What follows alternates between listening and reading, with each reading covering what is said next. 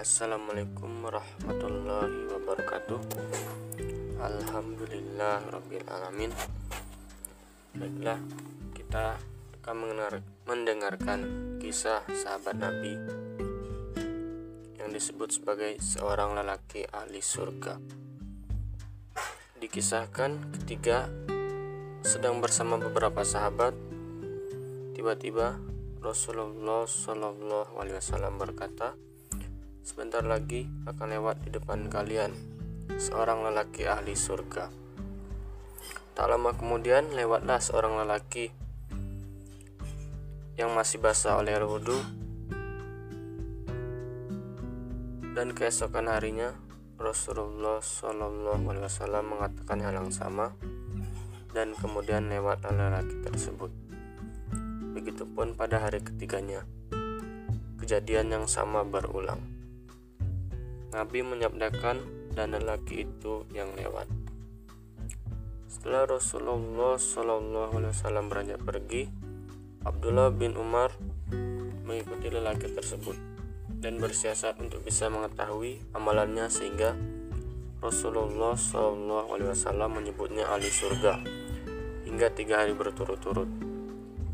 Abdullah bin Umar bertamu pada lelaki tersebut dan berkata, Aku telah membuat ayahku marah dan aku harus bersumpah untuk tidak menemuinya selama tiga hari.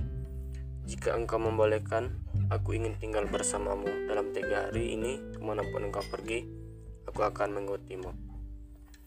Lelaki tersebut tidak keberatan dengan permintaannya.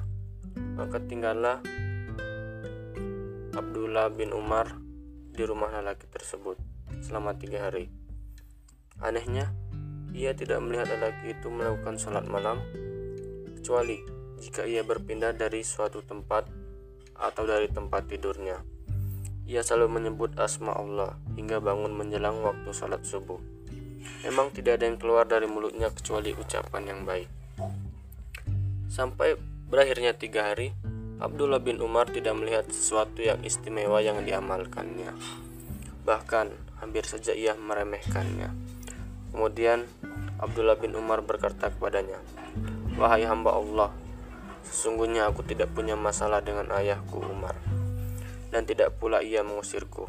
Tetapi aku mendengar Rasulullah Shallallahu Alaihi Wasallam bersabda dalam tiga hari akan lewat di depan kalian seorang ahli surga, dan engkau yang muncul dalam tiga hari itu." Karenanya, aku ingin melihat amalan apa yang engkau lakukan sehingga engkau mencapai derajat yang disabdakan Rasulullah Shallallahu Alaihi Wasallam. Hanya saja, dalam tiga hari ini aku belum melihat amalanmu tersebut. Laki itu berkata, tidak ada yang istimewa. Hanya saja aku tidak pernah memendam perasaan jelek pada saudara sesama Islam. Dan tidak juga aku mendengki atas kurnia Allah yang diberikan kepadanya. Rupanya itulah kebaikan yang mengantar kamu menjadi ahli surga, kata Abdullah bin Umar.